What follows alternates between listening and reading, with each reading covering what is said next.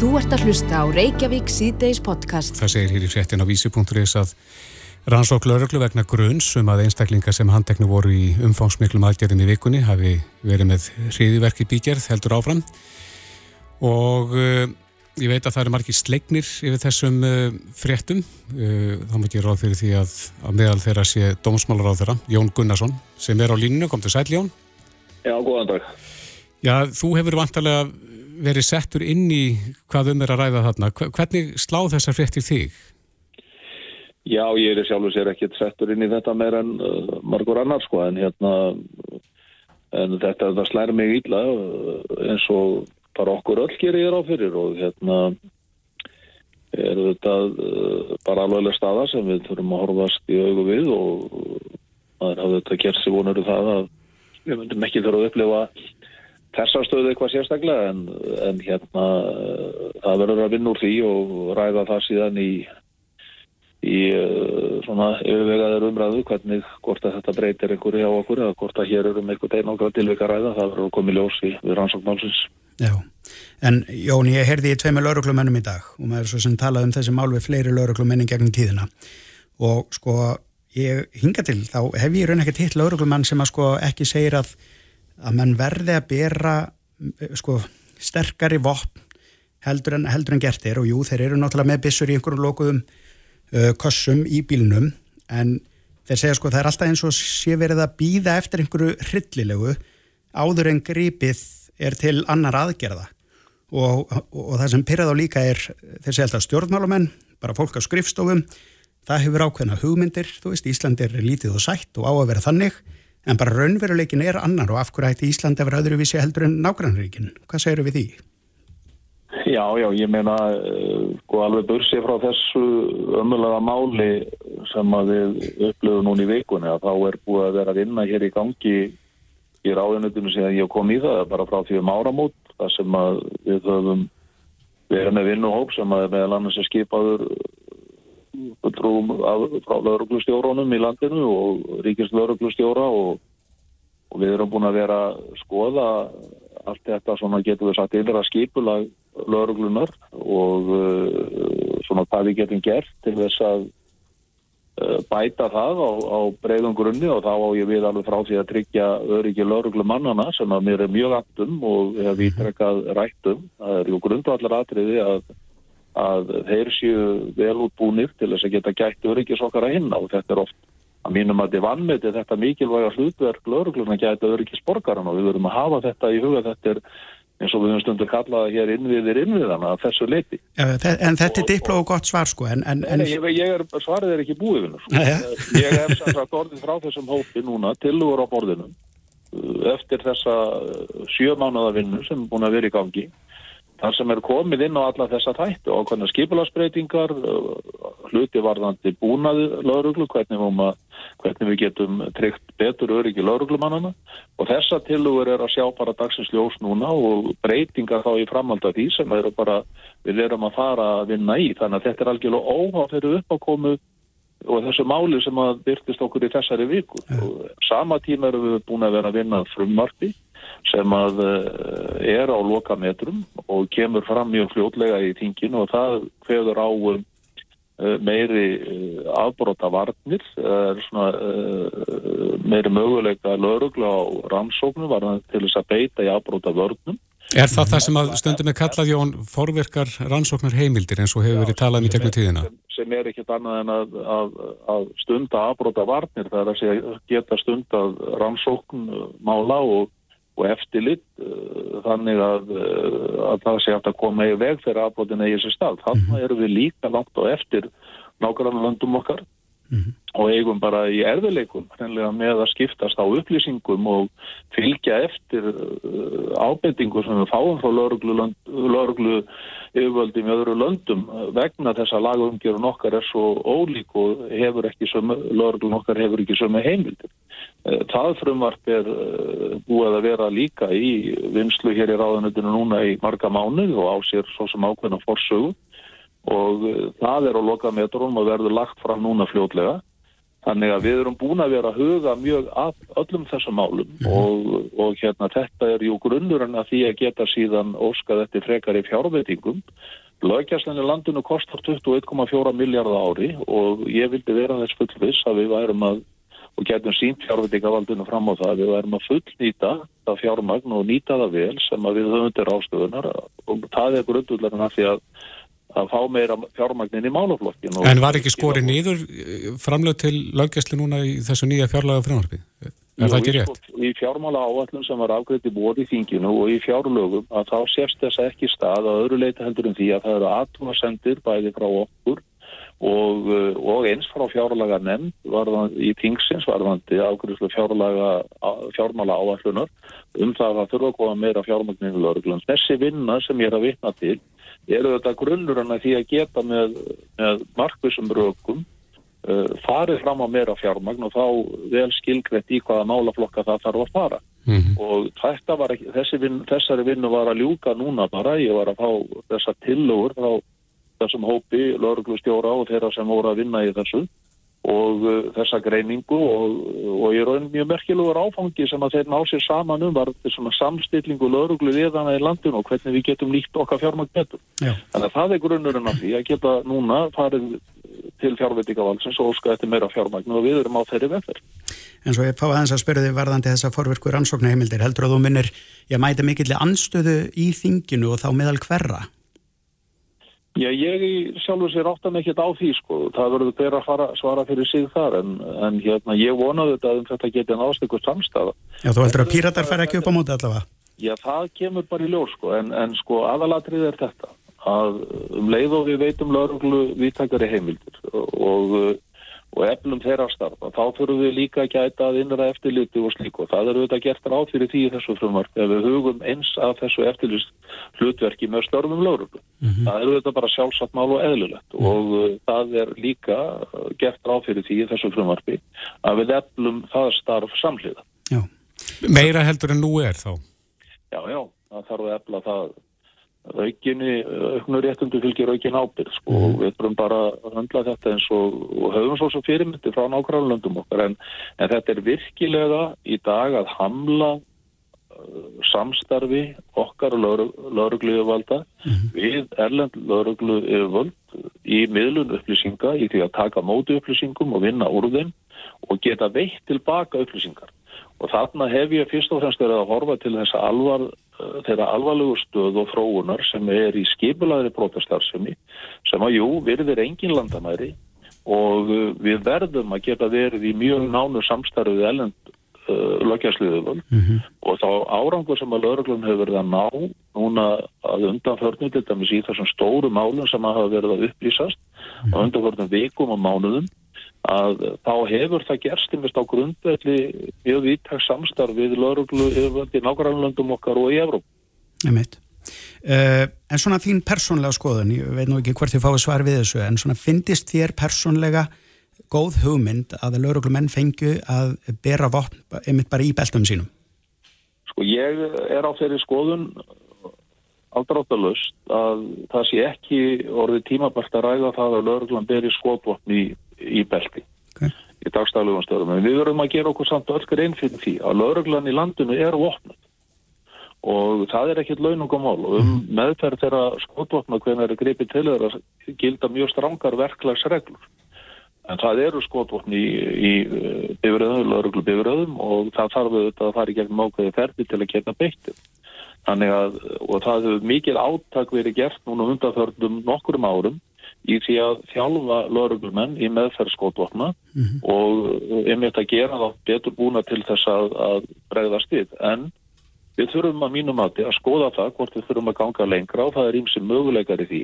Það er grundvallar atrið í mínum huga að við hugum að varnarbúnaði lauruglumanna til þess að þeir geti gætt og séu þess fullbúnir að gæta öryggis okkar. Mm -hmm. Og við mögum ekki gleyma því að lauruglufólkið okkar, lauruglumenninir okkar, þeir eiga líka fjölskyldur sem vilja fá sitt fólk heila heim. Mm -hmm. Einmitt. Allar þú að flýta fyrirlækningu þessa frumvarps um, um fórveikar ansóknarheimildir? Er, er, hvernig er alltaf að leggja það fyrir þingið? Það er bara í loka frágangi hér í, í ráðinautunum. Það er í forgangi hjá okkur og búið að vera í forgangi Telur ásættis að flýta þessum í ljósi þessa mál sem að nú hefur komið upp?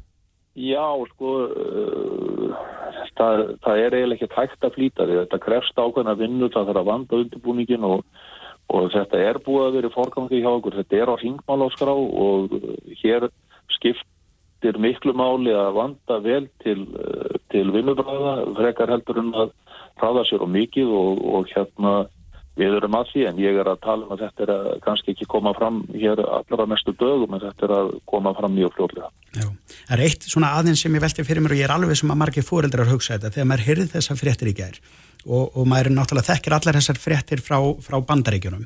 Það eru skólanir af því, að, af því að fólk hefur oft verið að þessir menn hafa verið að ráðast inn í skóla. Hugsa menn, hugsa menn öryggismálin upp á nýtt þegar kemur aðeim eitt bara að eins og, eins og viða í bandreikunum kennarin getur ítt á eitt takka og þá læsast hurðirna betur með einhverju einhverjum búnaði sem ég þekka ekki en, en þú veist, erum enn að fara að ræða þessi mál núna? Ég held að það sé gríðarlega mikilvægt fyrir okkur öll og ég skil ótt af fólks og sjálf er mér mjög bröðið og, og vissulega ef ég hugsaði þessara þáttar sem að þú ert að nefna. Mm -hmm. Það er mjög mikilvægt fyrir okkur núna að nálgast þetta að yfir Lörglan er búin að fulltís okkur um það að öryggist í landinu er er bara mjög gott. Mm -hmm. Þeir talja að hafa komist algjörlega fyrir þetta núna en þetta er vissulega áminning um það að við þurfum að endur skoða þetta og við þurfum að setjast yfir þetta og endur meta hlutina og það er á mörgum sviðum og að sjálfsögðu hefur lauruglan hort til í sínum uh, sínu áhættumati og því er mitt uh, skóla og reyndar bara stopnarnir og fyrirtæki. Menna þetta er eitthvað sem við þurfum þá núna í framald að þessari döfru reynslu að, að taka til uh, gömgefulegar skoðunar og ég menna sjálfsögðu funda með mínu fólki fyrir að tíða til þess að hefja þessa umræð og fá þeirra mat á þessu. Þannig að treyst ég mjög á það að að lauruglanu þetta leiði okkur í sín ávætti mati svona í, í gegnum þetta og það hefur verið bent á þennan möguleika í skýslum frá lauruglanu ávætti matið hefur almennt verið þannig að að menn hafa talið að það er ekki mikil hóp af mögulegum hriðverkum á Íslandi. En nú standum við fram með fyrir þessu og við þurfum að sjálfsögðu að, að taka það til umræðu og endur með þetta hlutina í kjálfarið á því. Já. Jón Gunnarsson, dómsmálar á þeirra, kæra þakki fyrir þetta og goða helgin. Já, takk sem er liðis. Reykjavík síðdeis. Þú ert að hlusta á Reykjavík síðdeis podcast. Helt snák. Gætið þú átt snák sem djælutir? Nei, ég bara skildi ekki og ég veit að þú skilur mig líka. Við viljum bara hafa hundan okkar litla og sæta og flöffi og fara ekki úr hafrum. Akkurat, en sömur eru hrifnir að þessu. Það er nú heila máli. Og hérna, ég man nú eitthvað tíma þegar við vorum upp á Línkálsi, staðsett þar, þá komið mitt eitt með snák og ég man að þegar maður strauk þessu, þetta var svolítið skrítið svona viðkomi. Já. Svolítið gúmitjendur snákur. Já, já, nákvæmlega, eins og leðurstível. Nánast. Kúreka. En eh, maður veldi fyrir sér af hverju má ekki halda svona dýr ef að, ef að það er farið af öllum reglum ef við sótt hví ána slíkt mm -hmm. hún er komið til okkar til að segja okkur allt um þetta Þóra Jóhanna Jónastóttir sérgrinna dýralæknir hjá MAST, velkomin Já, sælir Já, af hverju er svona erfitt að fá leiði til að halda svona dýr eins og snáka og kongular og slíkt?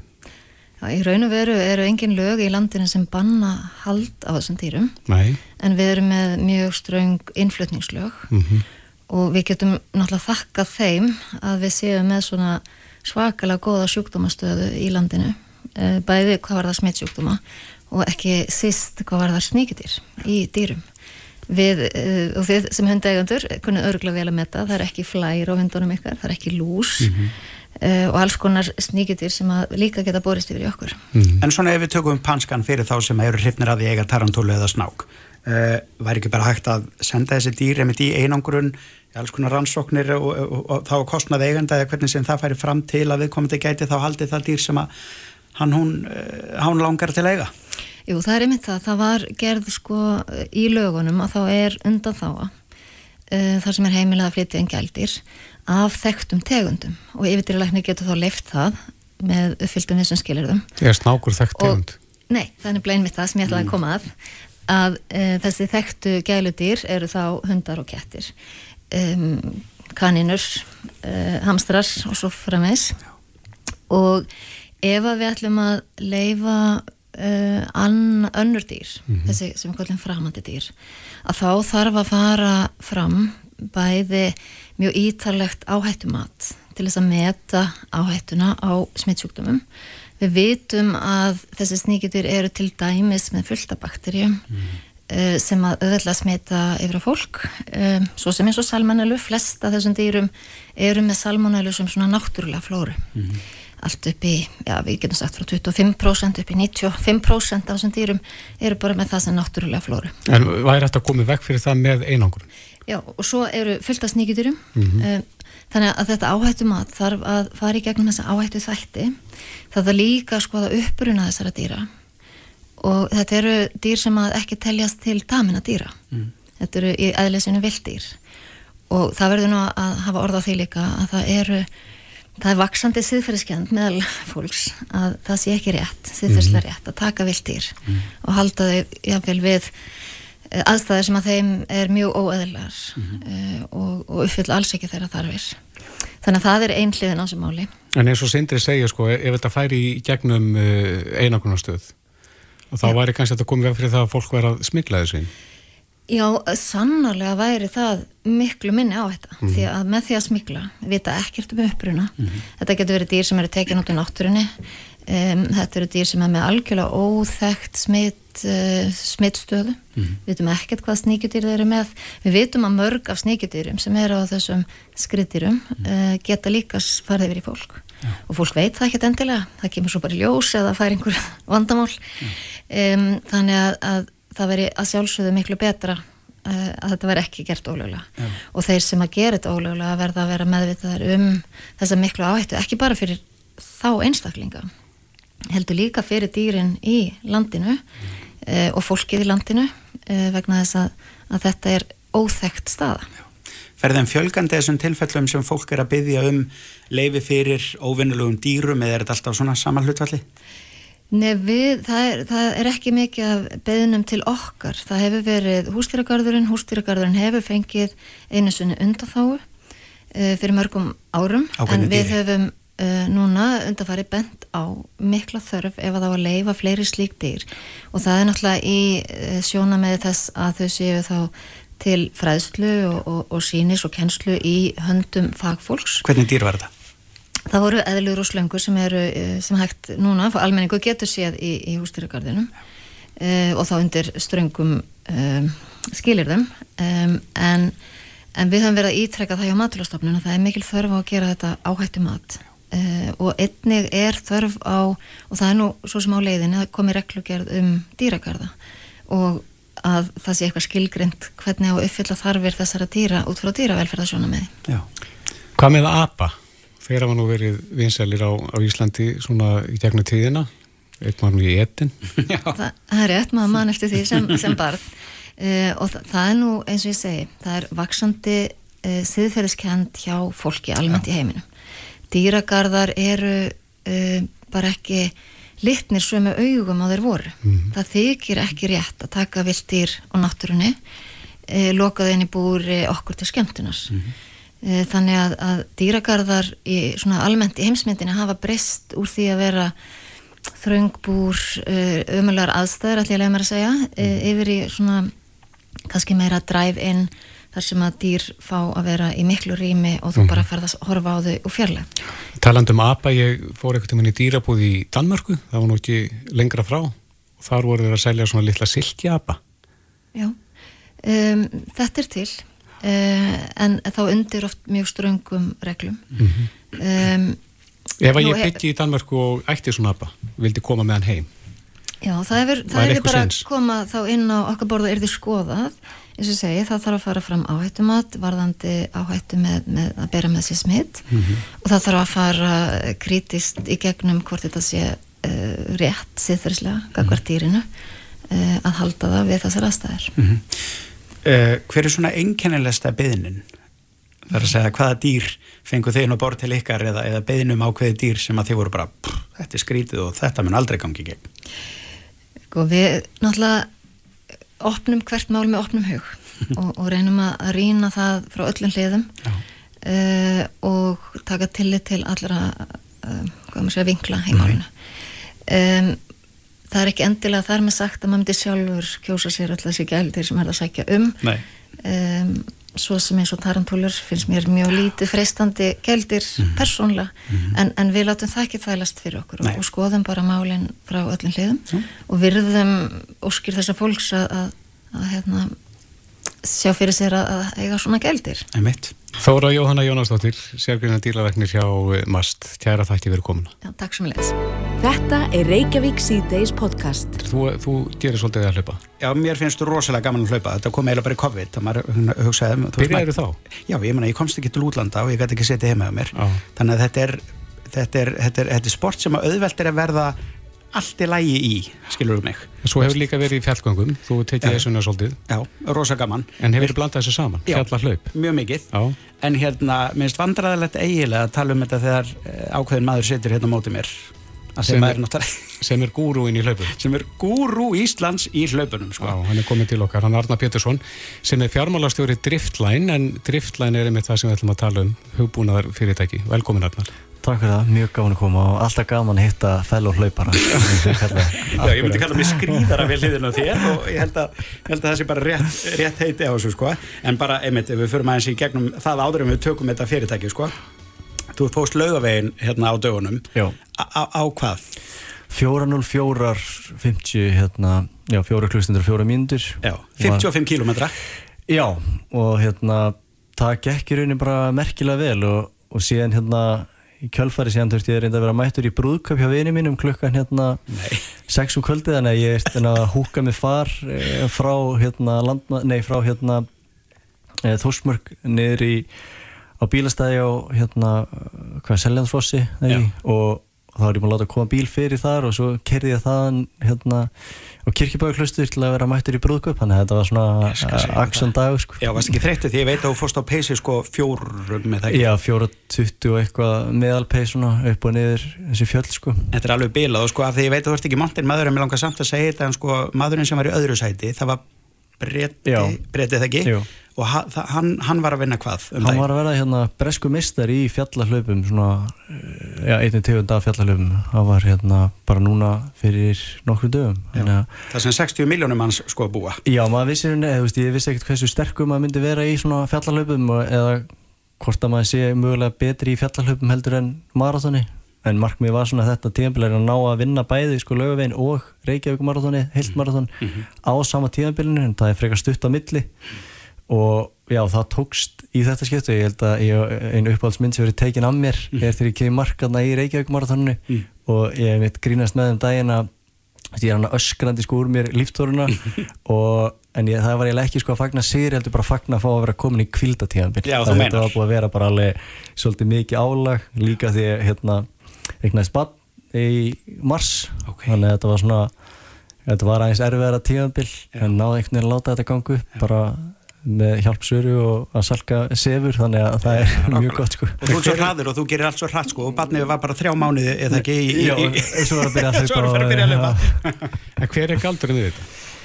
Af, af hverju ná ekki allir þessum hraða til dæmis eða þessu útaldi? Já, sko leiðilega svari er að það bara tekur tíma og þólumæði að, hérna, að þetta er búin að taka langa tíma fyrir mig að byggja upp bara hægt og bítandi og þú veist, maður er búin að fara í æfingabúði til Kenya og bandaríkjana í 2000-2500 metra hæð Er Kenya mekka hlöpsins? Já, algjörlega, þetta er í rauninni orðið svona Östur-Afrika, þetta er núna Uganda, Kenya, Ethiopia Það er hlöpund á ljónunum, sko. Já, þessi, þessi, þessi lönd Menn þurfa að hafa hafa En segð okkur aðeins af, af þessum hugbúnaði, hérna Driftline, þetta er einstakt í sinni myndið, það ekki? Jú, þetta er í rauninni alveg ótrúlegt dæmi, sko, að hérna, þeir hafa sem sagt samband við mig hérna, Agnar Steinarsson og, og Steinar Sindri sem eru svona uppfinningamennir á bakvið þetta. Mm -hmm. og hafa samband við mig um, segja mér semst að þeir séu búin að uppgöta þól bara sem og Mæl, mæli, mæleining á þól frá 0 upp í 100%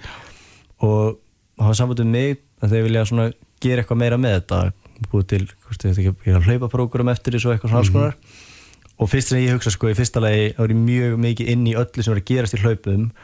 Og ég veit að það er ekki til neinn mæleining á þól Nei. en það var svona fyrst sem ég hugsa það er ekki til mæleining á þól bara hvað er, hvað er þeir að hérna tala um? Og, og svo segir mér að, að þeir geta sérst mælt allt sem að ég vil vita um mig sem íþróttumann engungu eftir að hafa séð hjarslátti minn í bara hvers konar hlaupi sem er. Þeir þurfti ekkert að væta hennar að rannsónastofu en eitt og ég er svona, já þetta svona hljómar einmitt tölvört of gott til að vera satt. En þeir mhm. byrjaði mig bara um að senda þeim þess að hjarsláttakögg bara úr einhver hlaupi og ég er alltaf fullt af einhver hlaup þannig ég bara sendi hlaup bara venilegt hlaup.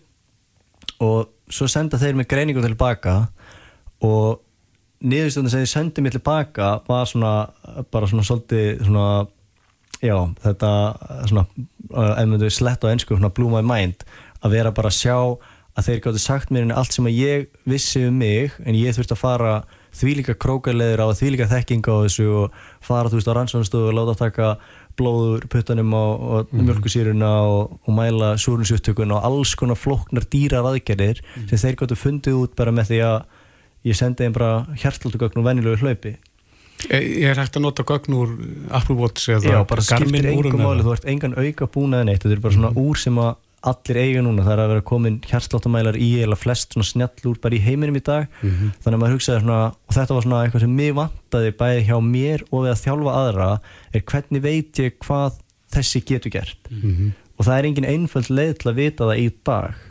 Þannig að þetta var svona einföld leið. Þannig að eina sem þú þarfst að gera er bara fara út og skokka þægilega eða lappa rösklega. Eina sem þú þarfst að fá er bara allar heilsugastu upplýsingar sem að þú myndir fá núna á rannsónastöðu Fyrsta sem ég dættur auðferðið núna Já.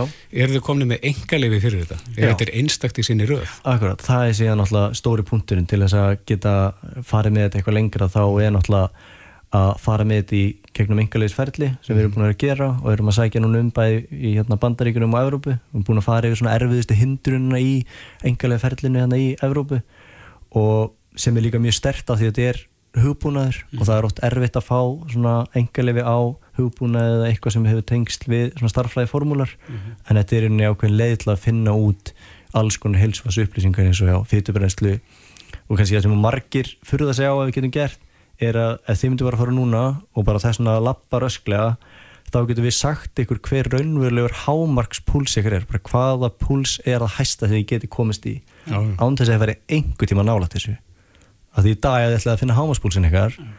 Þú veist hvað ætlaði að gera? Þið þurfið að fara og gjör samlega drep ykkur, Já. þú veist, bara keir ykkur út sem að einhver finnst skemmtilegt að gera. Þú veist, það er ekki bara eitthvað, já, nú langar mig. Nema kannski einhverjir útlandslöpar ég veit það ekki. Þannig að það alveg segir svona til um hversu mikil hérna, byltinga þetta er og hvernig getur haft mikil áhrif. Þetta hljómar einmitt svo ótrúlega, bara ótrúlega eh, finnið þið fyrir því að, að svona starri fyrirtæki og stóru fyrirtækin séu byrjað að horfa til ykkar og jafnvel haft samband? Já, við hefum verið hérna aðeins í, í svona verið að þreyfa fyrir okkur og, og það hefur verið hérna bara mjög góðar viðtökur í hvað sem við komið og við hefum til að mynda þá hefur við haft samband, eða verið í samband við sko yfir 25 háskóla erlendis og það sem er, það sem er þú veist, profesorar á á þessum sviðum og það sem er svona jákvæðast við það er að það er náttúrulega enginn sagt bara eitthvað heyriði við vitum þetta alveg. Eða veist, við erum búin að fatta eða það er allir bara já ok, þetta er bara eru jafn impressed og ég var þegar hérna, þeir sögðu mér frá þessu. Sem er alltaf mjög jákvæðast þegar maður er svona, byrju, eru við virkilega búin að gera þessu uppgöldum sem er alveg merkilegt sko. en það sem er svona næsta skref svona sem við verðum að gera, að gera rannsóknir með háur til að staðfesta allt sem við erum að gera sér satt og rétt mm -hmm. en síðan vil maður alltaf fá fleiri utan að koma til rannsóknir frá þriðjæðalöfum út í heimi og það er svona sem við erum að vinna í núna ásamt því að, að sækja þeim í rauninni fleiri englifa því að það eru fleiri uppgötunar sem er að koma í kjölfarið á þessum hérna, þessari svona fyrstu uppgötunar þetta er ofta sem að þú finnur eitt og svo leiðir það að vanna og þetta er svona alls konar já, mjög bara merkilegt og spennandi að vera með þessu. Sjáu þetta fyrir eitthvað sem app í símum hjá öllum eða hvernig hverjir verða með appið eða forritið? Já, það er einu upprunlega hugmyndin og það sem erum með klárt er þess að app, það sem að væri bara þjálfunar app, það sem að þú myndir fá inn æfingar, það sem að ég hef sett upp það prógram, mm -hmm. en allar æfingarna væri þá algjörlega alltaf sér sniðnar að þér og þínum þörfum hvað átt að hlaupa hratt á hvað púls átt að vera á hvaða æfingum sem að er, skiptir öllu máli og ætlar að ná einhverjum árangri mm -hmm. það var svona upprunnilega hugmyndin en síðan er náttúrulega það sem við viljum er náttúrulega að koma veist, við viljum auka aðgengi fyrir alla á helsfæðsupplýsingum mm -hmm. á auðveldan og ódýran hátt að þetta er náttúrulega þar, þetta er engin kostnæður þú átt úrið, en eina sem við þurfum að koma er að koma þessi hendunar á fólki þannig að fyrir okkur er náttúrulega liggur beinast við að gera þannig einhver þjónusinsamninga við stærri fyrirtæki eins og Apple, Garmin, Polar, Samsung þessi fyrirtæki sem eru með að selja vörur með púlsmælum mm -hmm. og og svo náttúrulega er mögulegt að, að því að þá geta þeir látið þess að sína 20 miljón notendur hafi þetta það er svona já, það sem við myndum kannski vera best fyrir okkur og í rauninni alla því að annars þurftum við að sína öllum allir koma og vera einhvern veginn með appið okkar í staðin fyrir að vera bara með úrinn sín sko mm. Og þetta ljóma brjálæslega spennandi Ertu búin að velja bílinn sem þú ætlar að kaupa þegar þú ert orðin ógslæri ykkur? Ég er svo, sko, einu sem ég er að gera ég geri allt frekar einfalt og er með mjög einhvern veginn minimalískan og svona leiðilegan hérna pælingar hvað þetta var að því miður sko kannski spurning í lokin, ég veit að hún er bara á vörunum á sindra Já. Er þetta að kaupa hlutabrið þessu fyrirtæki? það er það sem er svona, við erum að fara núna er að við erum að auka hérna, hlutafél að fara að taka næstu skrefi þess að við fórum í bara eina litla hlutafjörökningu fyrir hérna tæpum tveimur ára síðan bara svona að fara aðeins lengra með þetta með einhverlega aðeins inn í rannsóknir að við hefum verið á styrkjum hjá Rannís. Mm -hmm. farið í gegnum allan svona allar kurvina þar, Einmitt. nú erum við að klára það og erum reyni orðið svona fullorðið fyrirtæki. Er það næsta skrifa hvað? Þetta er feri Já, heldur betur. Hérna Arðan minnst líka bara alltaf gaman að fá fell og hlaupa hérna í settið og tala við okkur. Og hérna, erum við ekki að vera að taka skokkið á eftir eins og þú talaður um? Já, bara ekki spurning. Mm, Ég sé hann framöndan Arðnar, til hafmyggi með þetta og kæra þætti fyrir kominu Takk fyrir. Takk, takk. Þetta er Reykjavík C-Days podcast. Úlamálinn og, og hvernig menn alltaf verja skólana og það er ekki barnalegar þessar spurningar. Það er nefnilega máli, ég menna við, okkur finnst það allavega öruglega ekki barnalegar ef eitthvað myndi koma fyrir. Mm -hmm. og manni finnst, svona, ég menna þetta, þetta gerist alls þær, þetta gerist í Svíþjóð, Danmörku og, og, og Noregi. Mm -hmm. og Finnlandi. og Finnlandi og svo tala hann ekki náttúrulega um í Breitland og í Bandaríkunum og allt það sko. Af hverju ætti þetta ekki geta gerst hér? Akkurat, við erum að kannski að nota sko svona mál mm -hmm. til þess að, að vekja upp þessar spurningar Já, af því við viljum ekki lendi í þessu, hérna, hefðu við ekki átt að Nei. ef og þegar að spyrja spurningarna eftir á mm -hmm. eftir eitthvað, þetta er alveg hárétt og náttúrulega eru alla spurningar eiga rétt á sér þegar að svona kemur upp það, eru, það eru marga spurningar á lofti og ég veit að til dæmis líka ég menn eins og, sko, hérna, eins og ég sagði áðan ég hitti tvo lauruglumenn hérna fyrir utan mm. e, í dag, ja, sem sagt í bænum og hérna, ársáttíðin er framundan lang, bara makarnir eru líka skítrættir núna bara fer hausin alveg á full mm. og það er alveg rétt sem að Jón Gunnarsson segir við, ekki, við skulum ekki panika skulum, en það er ekkert skrítið að verða smeykur og rættur sko. Akkurat, Já, það þarf að hugsa þetta vel Já. En e, á línunni er Margrit Valdimarsdóttir félags- og afbrótafræðingur og dósent í lauruglufræðinga háskólan á Akureyri e, ég veit að, að afbrótafræðingar mm. ég held að sé engin afbrótafræðingur á landinu að þeir eru á Spáni á rástefnu Sæl Margrit Já, sæl. Já, það... við erum öll á rástefnum, við erum ekki fríi, ég sver. Já, akkurat. Þið veljið tíman. Já, við veljum tíman. En uh, hvernig blasir þetta við þér? Mm. Við vorum að tala um það hérna áðan að það, það verist, nýr kapli hafi verið skrifaður í, í ábrótafræði, íslenska ábrótafræði. Tekur undir það? Já, alveg reynd. Það eru ræðilega fréttir og, og hérna, kemur mér og öllum öðrum auðvitað óvart en En eins og ég heyrði að þið voruð að tala um að, að þetta ætti kannski ekki að koma okkur á óvart, þannig að það er þannig að, að það sem gerist í löndunum í kringum okkur gerist líka á Íslandi, en bara í minna mæli, við erum fámennari og einsleitari þjóð, við erum mhm. fámennari þjóð mm -hmm. og hérna, þannig að, að þetta er, jú, þetta er algjörlega nýtt. Mm -hmm. Er, eh, sko, það er náttúrulega öruglega erfitt að fara í hvers konar fólk uh, fær þessar hugmyndir en, en þegar við höfum allavega heyrt sko sögu frá bandaríkunum að þá, þá er þetta oft já, ákveðin gerð af fólki, þetta er ungi karlmenn, ungi reyðir karlmenn sem hafa kannski orðið svolítið svona, hvað sem er um, utanveldu í, í þjóðfélaginu og einhvers þar heyrði ég að Lone Wolves hérna mm -hmm. er, er, er, er ég á einhverjum er ég á villukötum eða hvað hérna hefur þú um þetta að segja? Já, það er bara það er þetta sem að fræðin segja. Þetta eru hérna ungir reyðir karlar sem upplifa sig svolítið svona utanvertu í samfélaginu. Þetta er endilega ekki eh, hérna fátækir eða ómentaðir karlar. Nei, nei.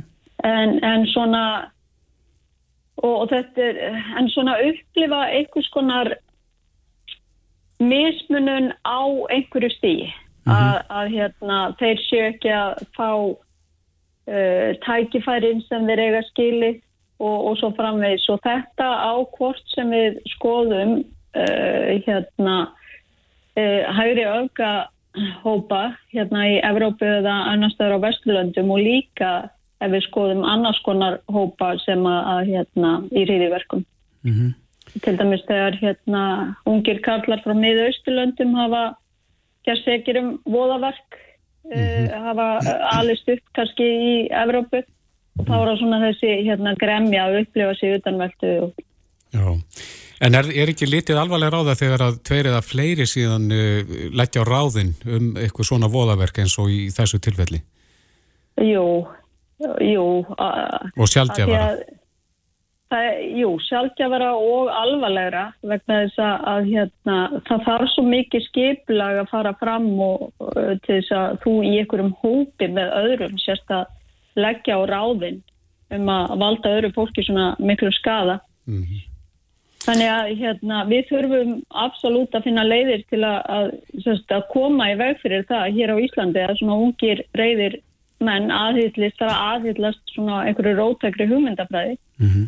Eiga einhvers konar opnu samtali þá um hvaða bara merkir að, að búa í fjölmenningasamfélagi til dæmis af því að þá er ég að vísa í svona uh, að minnstakosti það sem hefur verið að gerast í kringum okkur nú veitum við kannski ekki alveg nógu mikið um þetta, Nei. þessa menn til þess að vita hvað þeim stóð til mm -hmm. En eins og við tölum við dómsmálar á þráðan um að, að fórverka rannsóknarheimildir þetta, þetta Sko, þetta, er, mm -hmm. þetta er umdeilt en þetta er gert í löndunum í kringum okkur hvað finnst þér sem afbrótafræðingi um, um þetta? Er þetta nöðsynlegt? Sko mér finnst mikilvægt að, að hafa það í huga að lauruglunni tókst að koma í veg fyrir þessar aðgerðir sem var verið að skipulegja engurku með þeim heimildum sem hún hefur í dag. Já en eh, og... mér skilsangand fréttumarkett að, að það hafi verið bara fyrir tilvíljun. Að tilvíljun einn hafi ráðið því að þeir komast á snóður en þetta.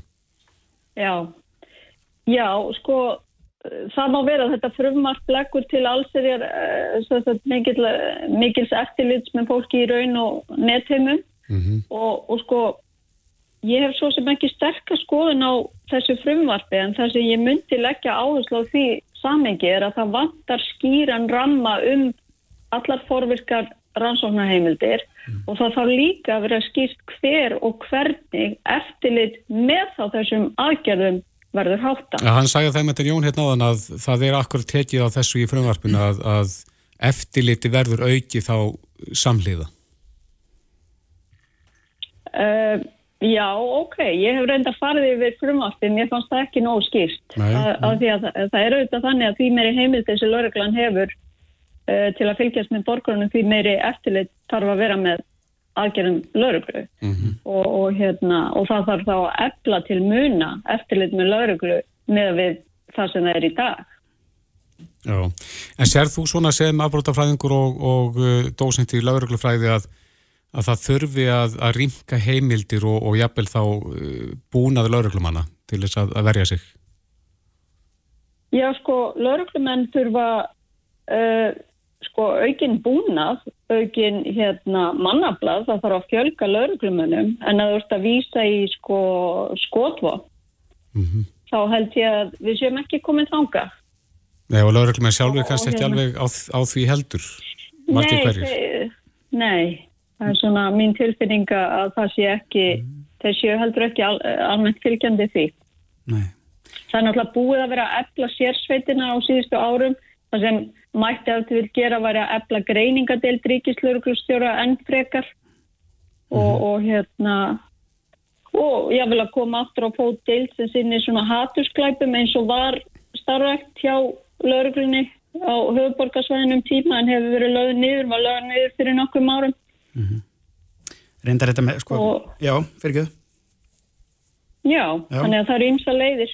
Já, mér finnst reyndar sko, og ég geti haft svo mikið rámt fyrir mér en þegar ég hef talað við lauruglum en þá finnst mér sko vera reyndar alveg allur gangur einmitt á því hvort að þeim finnst sko þeir eiga að bera sko, hérna, bissur uh, og, og það, í, það í beltum sínum. Það, það er alveg líka fólk, ég held að það séu bara svo feimnir við að tala um það af því að það er svo óvinnsælt meðal margar Já. en þetta er náttúrulega þeir hljóta eðlilega og ég fann það á, á þeim í dag bara skítrættir og mjög brugðið og ekki ástæðu lausu alls ekki ástæðulegs og, og það skilja það allir. Og, og hérna auðvitað eru öruglega skiptar skoðanir meðan lauruglumanna eins og bara í samfélaginu almenn en svona uh, uh, mín samtöl við stjórnendur innan lauruglunar að það var það svona mín almenn tilfinning að að það sé ekki stuðningur við að lauruglan uh, hérna beri skotvopni í sínu daglegu störfum. Og það var reyndar gerð uh, könnun, svona nafnlaus könnun á meðal lauruglumanna en það er enda komið svolítið síðan, þessi ekki nokkur ár síðan og þá var ekki mikill stuðningur meðal lauruglumanna en þá má vera það við breyst, þá má vera það bara Og kannski sérstaklega svona- með við síðustu fréttir. Já, já. sérstaklega með við síðustu fréttir og, og, hérna, og það var í svo sem alveg skiljanlegt. En, en sko já. Og það það þyrfti að skoða það þá ansi vel En eins og, eins og við sögum hérna, þú ert félags- og afbrótafræðingur og dósent í lauruglufræðum við, við Háskólan og Akureyri.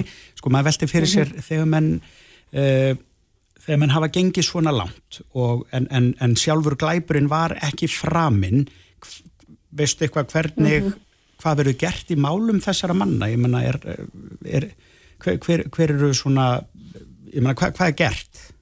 Þeir eru ekki að fara að setja feimum lengur inni eða fara þeir inn á geðdild eða hvað, hvað, hvað gerist? ég veistu að það ég er ekki alveg með það á hreinu en það er hægt að ákæra fyrir skipulagningu Já, og, og hérna en ég er ekki alveg með það á hreinu nei. hvernig hvaða grein laga það, væntarlega þessi 100. grein hérna laga A sem eru hriðiverkalögin þá, það, þá Já, sem hefur ekki reynt á. að- sem hefur ekki reynt á sko. Ég, ég ímynda mér það En við Þurfum að vera, þessu. já, við hljótum að vera sammála um það sem samfélag að við viljum að þetta fólk sem að við treystum til þess að verja okkur og Já. uh, sinnir einhverju hættur þess að starfi í íslensku samfélagi. Við hljótum að vilja tryggja það að þetta fólk komi heilt heim auðvitað og, og hérna með þeim ráðum sem þarf. með þeim ráðum sem þarf alveg reynd og, og það er því sammáleikur en ég bara leggja áherslu á að, að því meiri heimildi sem lörglan hefur því meira eftirlit þarf að vera með henni. Og, og að, að, hérna, að taka upp skotvopn er, er rosalega stórt skref að því að þegar þú hefur tekið ákveði skref í þessa átt þá ferði ekki tilbaka Nei. Það, er, það er málið sko. En veistu hvernig þessi er hátt að, ég veit að lauruglu þjónar í Færiðum sem er nú talið vera mjög friðsanlegt samfélag, þeir eru vopnaði skotvopnum. Hefur, veistu hvernig það er þar? Hefur það verið vandamálið að litið hortnega af almenningi? Ég þekki ekki, en, uh, ég, ég þekki ekki hvernig þetta hefur verið í færum en, en mér skilst að það sé, það sé ekki mjög umdelt. Nei, Það er svona, en ég hef ekki skoðan einar almennar hérna, kannanir en það sem ég hef svona hef rætt við kollega þá held ég að það sé ekki mjög umdelt. nei. Erum menn ekki líka bara fljótur að venjast nýjum heimi rétt eins og þetta er ekki umdelt í Danmörkur uh, eða Svíþjóðið Norri? Myndum við ekki bara venjast því eins og, eins og aðra þjóðir? Jú, alveg reynd og þess að segja sko að það, það, þegar þú stígur þetta skref þá ferð ekki tilbaka. Nákvæmlega. Af því að hérna. Alltaf bara, það, það hérna, Fínt að taka samtalið um Það það, verða slís, já, alveg reynd og ég held við ættum að gera það. Margret Valdimarsdóttir, félags- og afbrótafræðingur og dósent í lauruglufræði við Háskólan á Akureyri. Kæra þakki fyrir þetta og góðar kveðu til spánar. Reykjavík síðdeis á Bilginni podcast. Ekki farið fram hjá neinum sem að já, fjárfestir í hlutabrifum að uh, já, þau hefur bara verið niður á við að undan förnu. Má segja í frálsu falli eða? Já, mögulega. Já.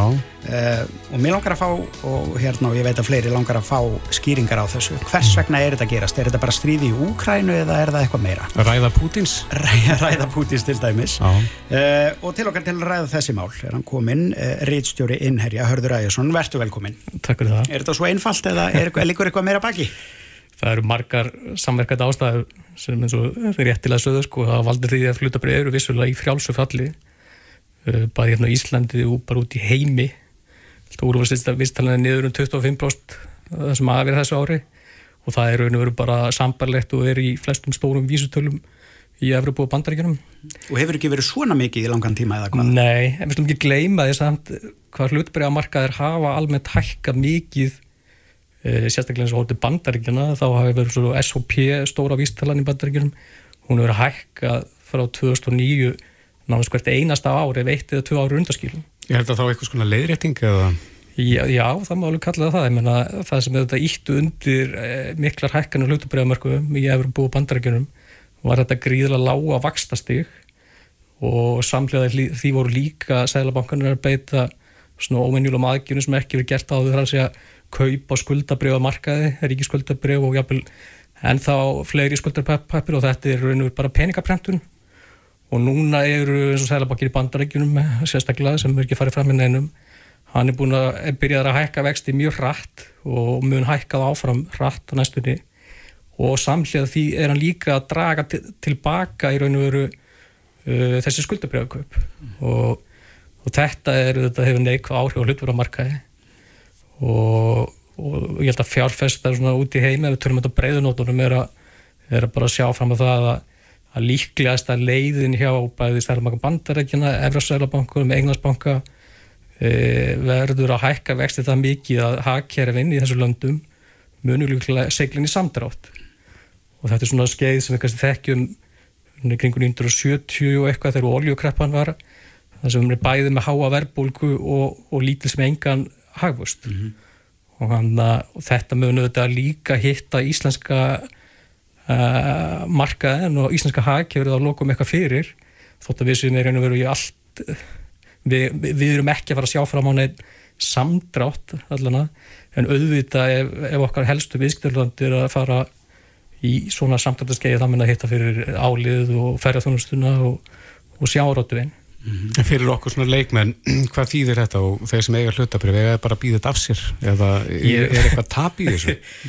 Það er alls konar Í hverju var kaup og í hverju var selja Ég ætla ekki að gefa negin ráð hvað það var það sko en e, Ef þú veist, það er að, sko, ef við tórum svo íslenska marka, það búið að vera mjög áhugaverð og óvenjuleg vika í raun og ráð baki hérna íslenska markaðunum mm -hmm.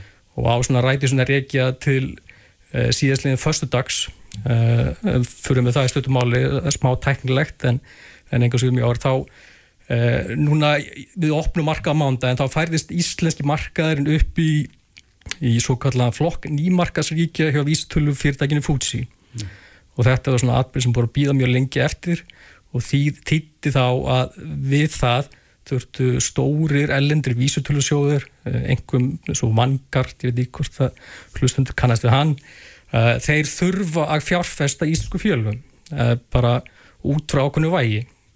Og menn voru búin að byggja eftir því að, að þetta innflæði fjármaks myndi komin að marka henn og, og það átt að gerast og gerast í svo uppbóðu í kaupöllir síðastleginn fyrsta mm og í aðdraðandunum voru íslenski fjárfæstar uh, eh, búinir að vera að kaupa í þessum félögum mikið mm -hmm. uh, vegna væntingum að geta segja selt þessi bref til sjóðana uh, en það sem gerðist að vera aðrir erlendu vonasjóður sem voru smá sem búin að byggja upp stöður í, í íslensku félögum í aðdraðandunum þeir seldu öll brefin sín vonasjóður til erlendur vísutölusjóðan í uppbóðinu á miklu læra verði heldur en íslensku fjárfæstunir reynbúðinir og hlutabræðin hríðfjallu, þetta var 14 miljardar konar uppbúð mm.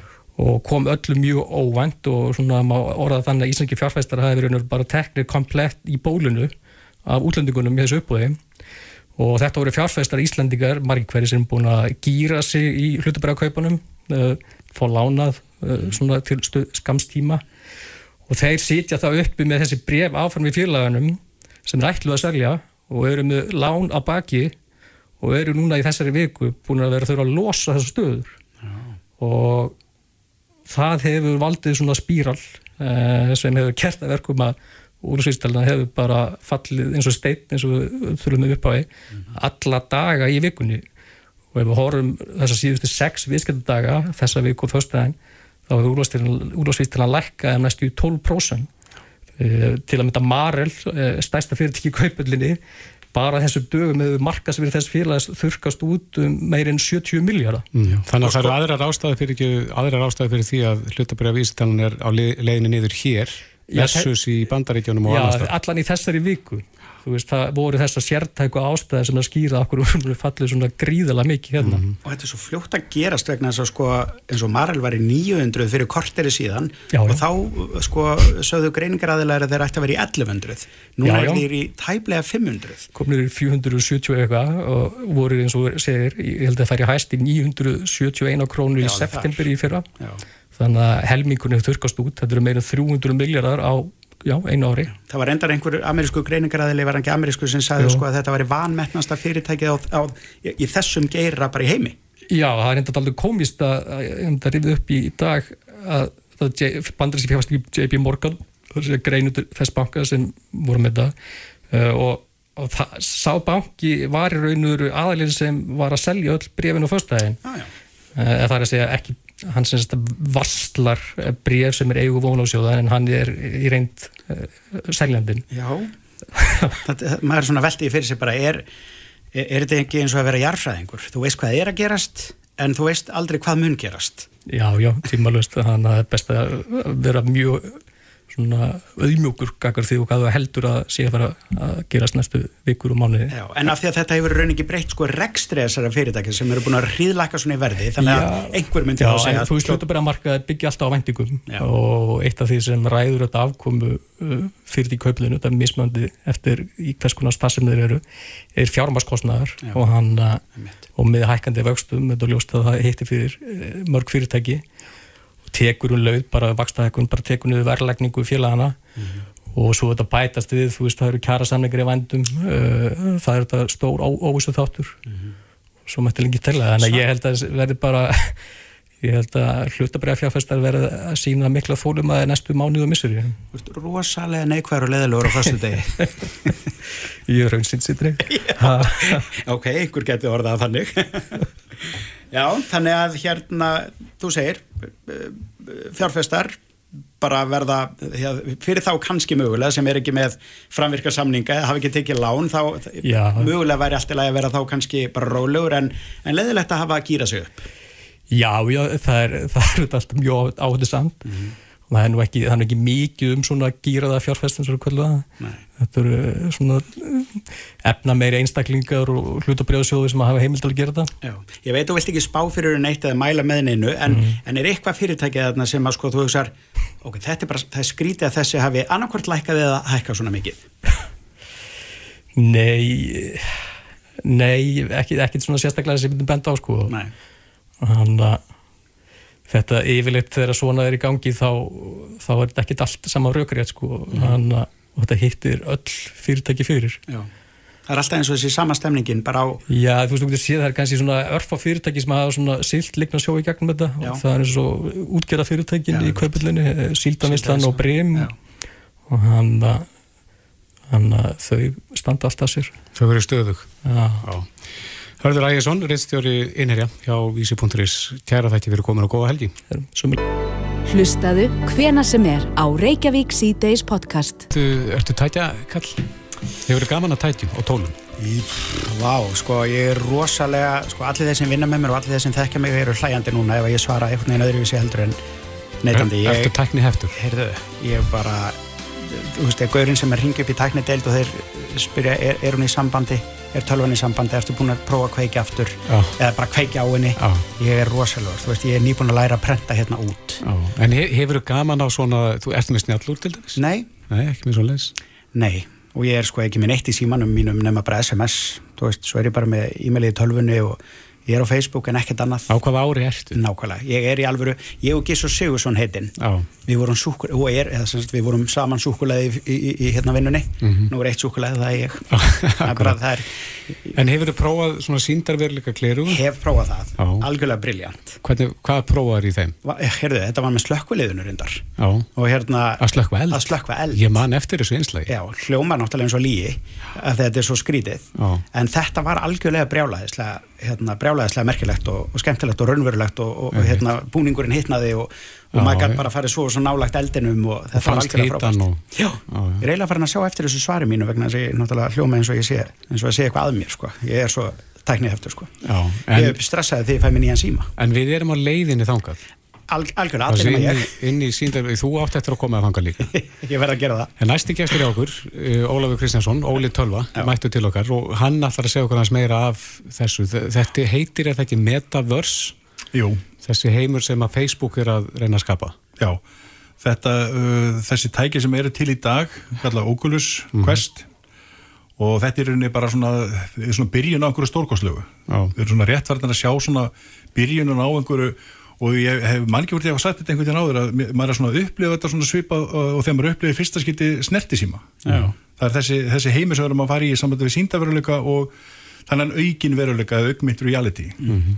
Þú sagði mig fyrst frá þessu að þá hugsa ég um bíómyndin og ég er engin sci-fi gaur en ég elskaði bíómynd sem heitir Ready Player One er, er þetta eitthvað svo les? Já, við erum klárlega að fara þarna eitthvað álega stanga sko. en þetta eru tvö, tvö verkefni sem er í gangi hjá Facebook og það er annars vegar að vera með þetta þennan ókulu sem að margir þekk í dag. Og svo er að koma nýtt eh, ver eh, verkefni sem heitir Cambria sem er þá í rauninni uh, þar sem að þú ert og horfir í gegnum glerugun mm -hmm. og færð allar þar svona nöðsynlegustu upplýsingar og eflust gefur bara heimild fyrir hvað miklar upplýsingar og mikið áreiti verður í glerugunuðinum mm -hmm. og þá sér þetta í gríðarlega mikil upplust það sem þú þart að sjá, ég meina þú ert að horfa festir einhvern augnpunkt á vestlun og þá færður strax upplýsingar hvaða búðir er heima síða og annars lit og það eru bara brennipunktar. Þannig að upplýsingaflæði verður mjög mikið. Mm og uh, til dæmis ef að uh, ef ég væri að tala við erlenda, einhvern útlending sem að tala kannski spænsku og ég kann ekki spænsku að þegar að hann talar þá fæ ég íslenska texta við hann og hann fær spænska texta sem að kemur þá við mér þannig við sjáum hvern annan með, sem það er texta á rauntíma, jafn óðum sko. það er einhver framför sem að ég væri til að upplifa sko. Þetta er sampínu fríki og sko gerir það verkum að enginn hérna hefur kannski mögulega metna fyrir því að læra neitt tungumáli eða bara læra neitt yfir höfuð af því að allar upplýsingar eru bara beint fyrir fram að þig eða hvað. Og það er einmitt það sem ég hef verið að skoða hjá Facebook að þeir eru einmitt líka að, að sagt, kennslu heimurinn, heimurinn þar sem þú ert að læra eitthvað, að það á að breyta, breytast alveg svakalega mikið.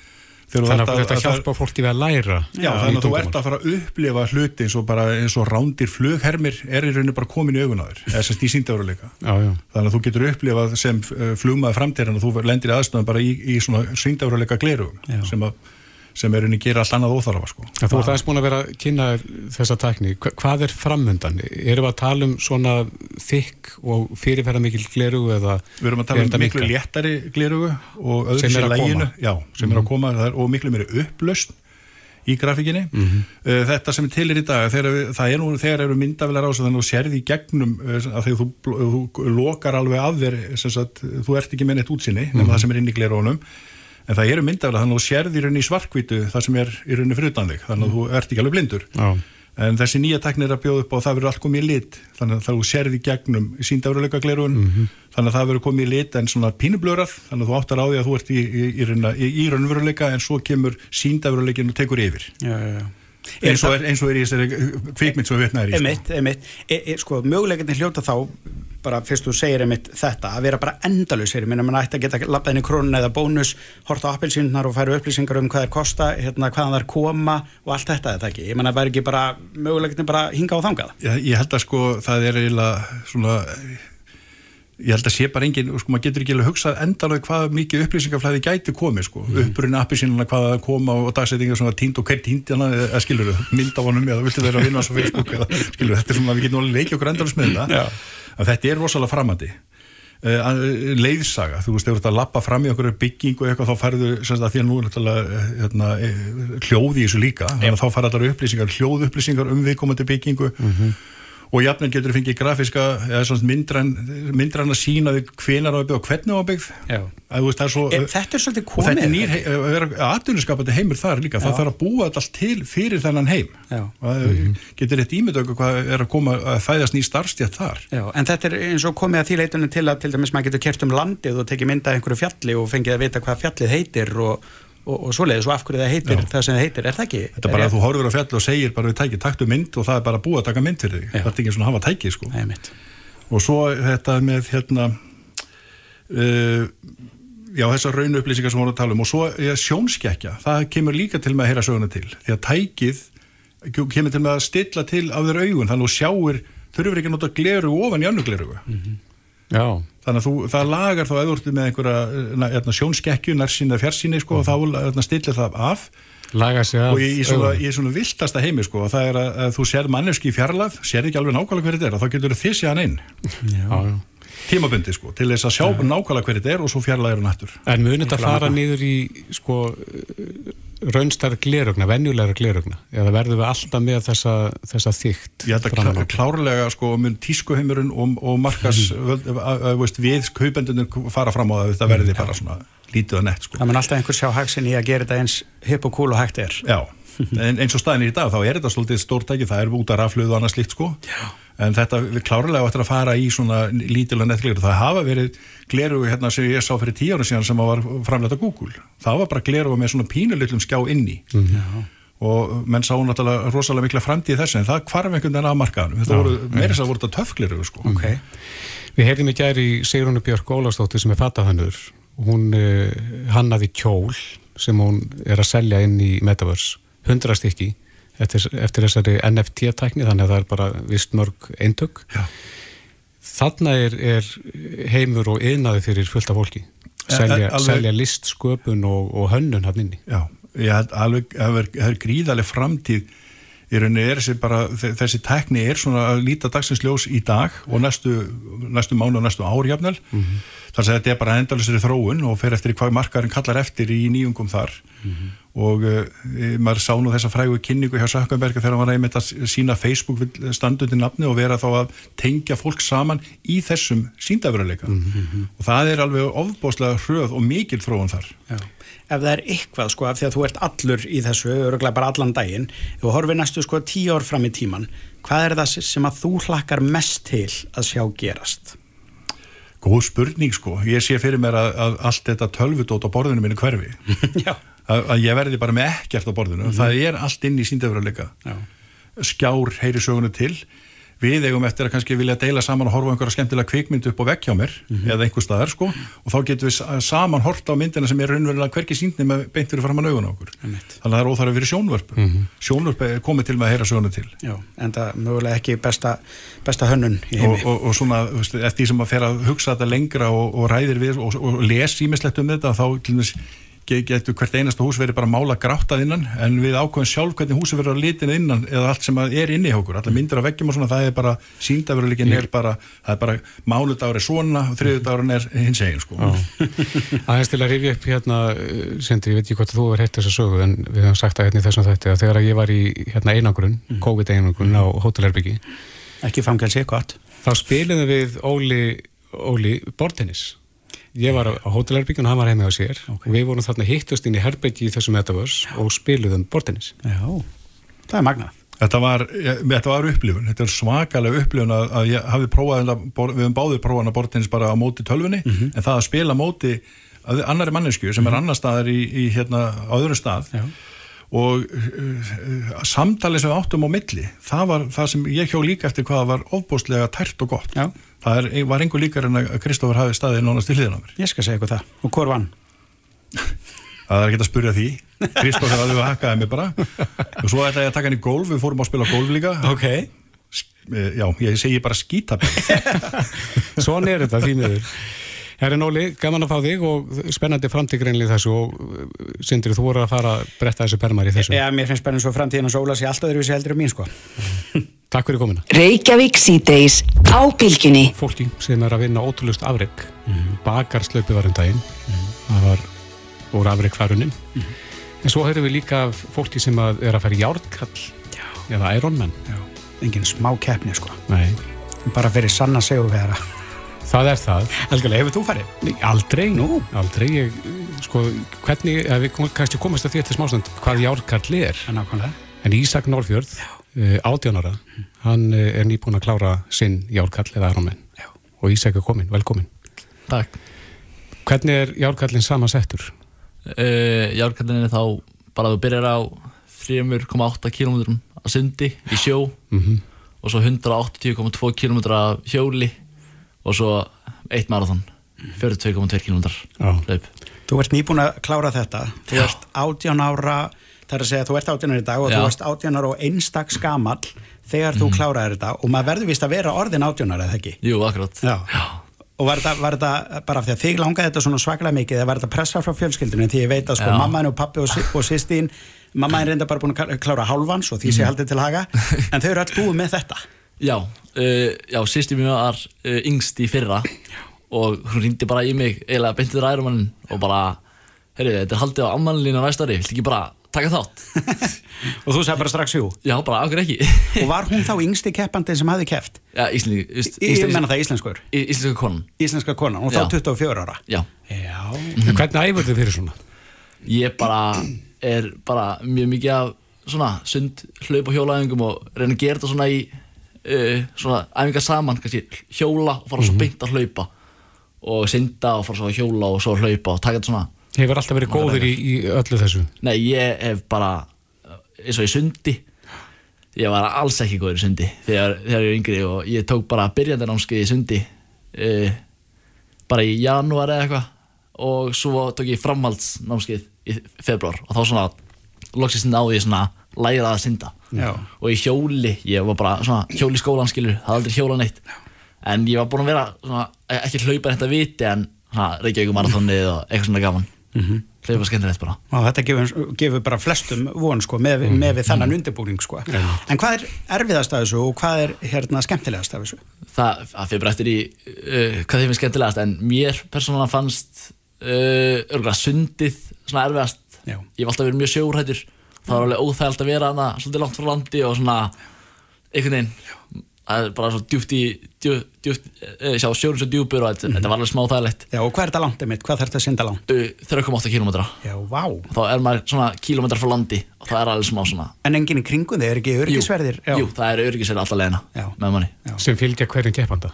Nei, þe þeir eru bara þeir eru bara alla brautina Já. og eru bara tilbúinir Já. ef að eitthvað gerist. Og maður sá það alveg þá, ma- ég sá alveg eitthvað að vera á börum bara, vera að bera á í landi í sundinu. En er ég menn að keppa við sjálfan sig þar er við að keppa um að komast fyrstur í mark eða bara klára? Það er bara mismunandi, það er náttúrulega einhverjir sem er að keppast um að ná einhverjum ykkur tíma og svo er aðrir eins og ég bara að reyna að klára það Já, og sérstaklega kannski af því að þetta er fyrsta skipti en Já. ég menna ég gerir ráð fyrir að þú vilji kannski gera þetta aftur þú ert bara 18 ára. Já, uh, og þá kannski miðar við þennan tíma og vil gera betur næst. Já, það er markmið bara bæta tíman kannski, Já. ná kannski undir 11 klukktími næst. Nákvæmlega. Ég veit að þú stóðst þig betur en pappiðin gerði á sín tíma eða ekki? Var það, var það kannski smá markmið? Já, svona, ég, ég var líka svolítið mikið að keppast við bróðum minn. Ok, hann vann það núna. Já, hann er líka búinn. Já, Þetta er bara, þetta er ættar hérna, Já. bara áhugamálið. Hvað er hann gammal? Hann er 20, 20 ára núna Já. uh, það er ekki margir á þínum aldur sem geta kallað sig Ironman eða Járkall. nei, herru, nei, herru, við það, ég er glæðist, hann er 22 ára ég, uh, Já, nei Hann fyrir ekki við þér. Já, nei, ég, já, ég er allavega yngsti íslendingurinn Já, er ekki vinirnir stoltir að þér? Jú, mjög, mjög. Vá, þetta er endar algjörlega magnað. Er, er þá ekki markmið hjá okkur fjölskyldinu því ég náttúrulega gerir ráð fyrir að þið gerir mikið grína mömmu ykkar sem er bara búin að fara álfa. Hún er lúserinn í hóknum Nei, er ekki- en er ekki markmið bara að, að bara hili familíum fari emitt næst Jú. og, og takið þetta saman? Það geti verið, ef að, ef að ykkur skrá sig þá held ég að við fyrir öll með, sko. Já.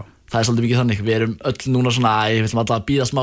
En ef, að, ef ykkur ákveður að fara næstari þá fyrir við öll, held ég. Kostar þetta?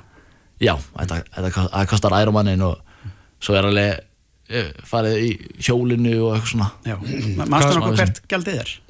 uh, Til að keppa? Já. Nei, ég manna það ekki Nei, nei. En ég held að hafi, já, ég, ég veit ekki Nei, nei. Hvað er keppnin haldin?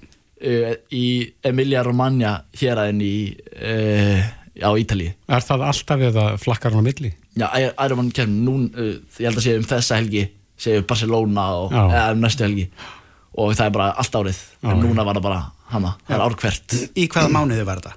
þetta, þetta var bara lögadaginn Þetta var bara núna síðast Já. lögadag Já, ok, þannig að það er ennþá heitt og það er öðruvísi að, að, að var ekki frekar heitt? Jú, það var alveg mjög heitt. Já, og er ekki svolítið, þú veist, að æfa sig hérna heima og hlaupa og það, það, er, það er bara, þú veist, maður hleypur í sig hitan Já, en það er erfiðar að gera þetta allt saman í miklum hita. Já, þess vegna var ég í svona hitaðalun þá var ég að hlaupa og fara svo beint í sánu og svo hlaupa aftur og fara svo aftur í sánu og svona reyna bara svona að finna hva, hvernig það er að hlaupa þegar mann er ógislega hitt það er alveg erfið aðra sko. Já, nákvæmlega. Ég veit þú tókst hálfmarathon í hérna, Íslandsbanka marathoninu, nú ertu búin að hérna, gera þetta.